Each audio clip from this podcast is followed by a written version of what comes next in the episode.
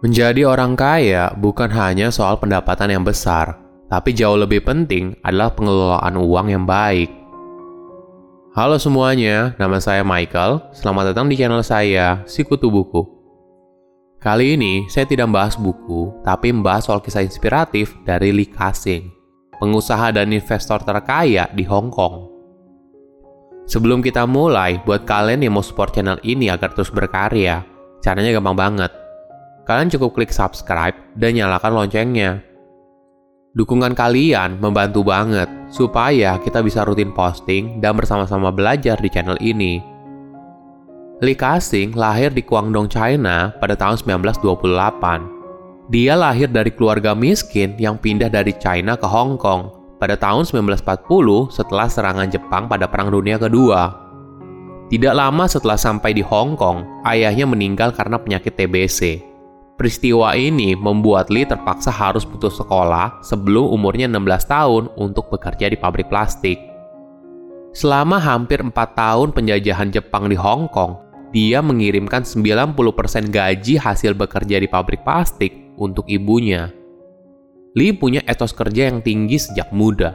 Dia sering bekerja 16 jam sehari selama 7 hari seminggu. Gaya kerjanya ini ternyata masih dia lakukan hingga Lee berumur 89 tahun. Dia memulai karirnya sebagai salesman dan berkat kerja kerasnya dia dipromosikan menjadi kepala pabrik pada umur 18 tahun. Kemudian ketika dia berumur 22 tahun, Lee berhasil membuka pabrik miliknya pada tahun 1950. Pabrik yang dia dirikan bernama Chungkong Industries yang memproduksi berbagai jenis plastik, tapi pabriknya paling terkenal karena produksi bunga palsu. Dari awal, Lee sudah memprediksi kalau industri plastik akan populer dan dia benar. Bisnisnya berkembang sangat cepat, hingga perusahaan miliknya berhasil mengekspor barang ke Amerika Serikat. Walaupun Lee tidak mengenyam pendidikan tinggi, dia merupakan orang yang rajin membaca dan kesuksesannya banyak berasal dari kemampuan dia untuk belajar secara mandiri. Sebagai contoh, di tahun pertama perusahaan berdiri, Lee melakukan pembukuan secara mandiri tanpa punya pengalaman akuntansi. Semua ini hanya dia pelajari dari buku. Selain rajin membaca, Lee juga punya intuisi yang bagus soal tren bisnis. Ketika bisnisnya makin berkembang, Lee melihat adanya tren baru, yaitu properti. Kesempatan ini tidak dia sia-siakan. Lee langsung membeli banyak properti pada akhir tahun 1970-an hingga akhirnya membuat dia menjadi yang paling unggul dari bisnis properti. Walaupun begitu, dia punya prinsip pengelolaan keuangan yang bagus.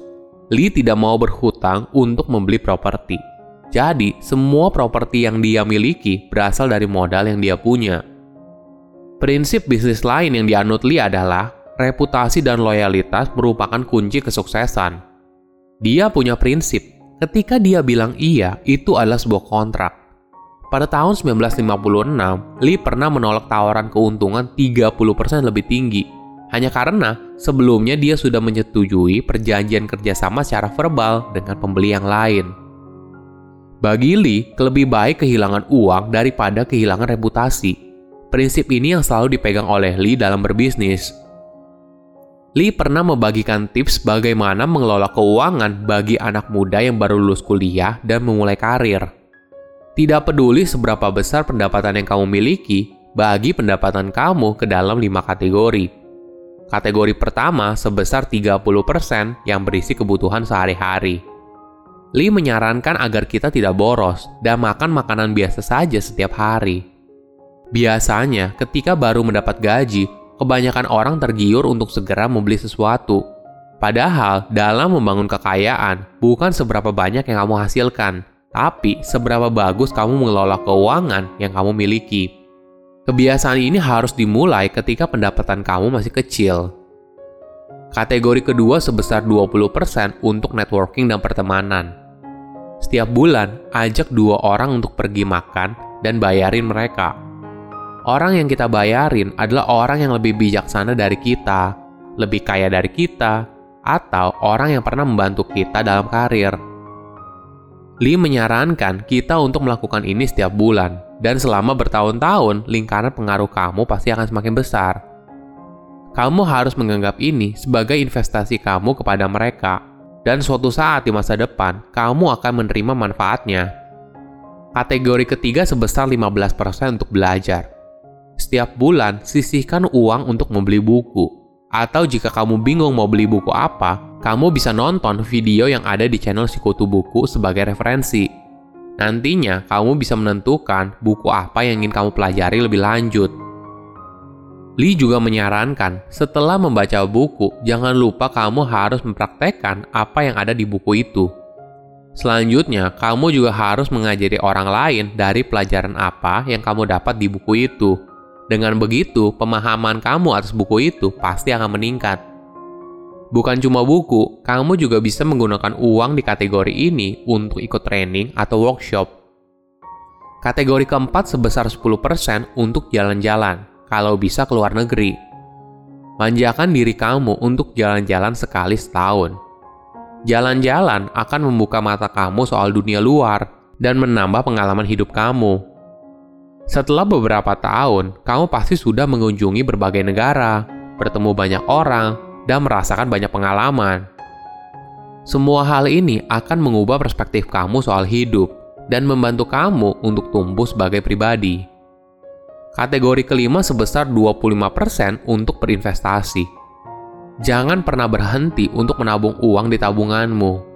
Gunakan uang ini sebagai modal awal untuk membangun bisnis kecil-kecilan atau berinvestasi di produk keuangan. Bisnis kecil relatif lebih aman karena dengan modal yang kecil kamu tidak akan kehilangan uang yang banyak. Tapi ketika kamu mulai menghasilkan uang, pengalaman ini akan menambah keberanian dan kepercayaan diri kamu. Selain mengatur keuangan, Lee punya beberapa pelajaran hidup yang bagus buat anak muda. Poin pertama, jangan berhenti bertumbuh. Ketika kita bekerja, pasti wajar apabila kita mendapat kenaikan gaji setiap tahun. Tapi, kenaikan itu bukan berarti kalau performa kita secara pribadi juga meningkat. Apakah tahun ini kamu mendapat tanggung jawab lebih? Apakah kamu mendapat kenaikan jabatan, Lee menyarankan kita untuk jangan terlalu bergantung pada gaji. Kamu harus coba cari pekerjaan sampingan, kalau bisa di bidang penjualan. Kenapa?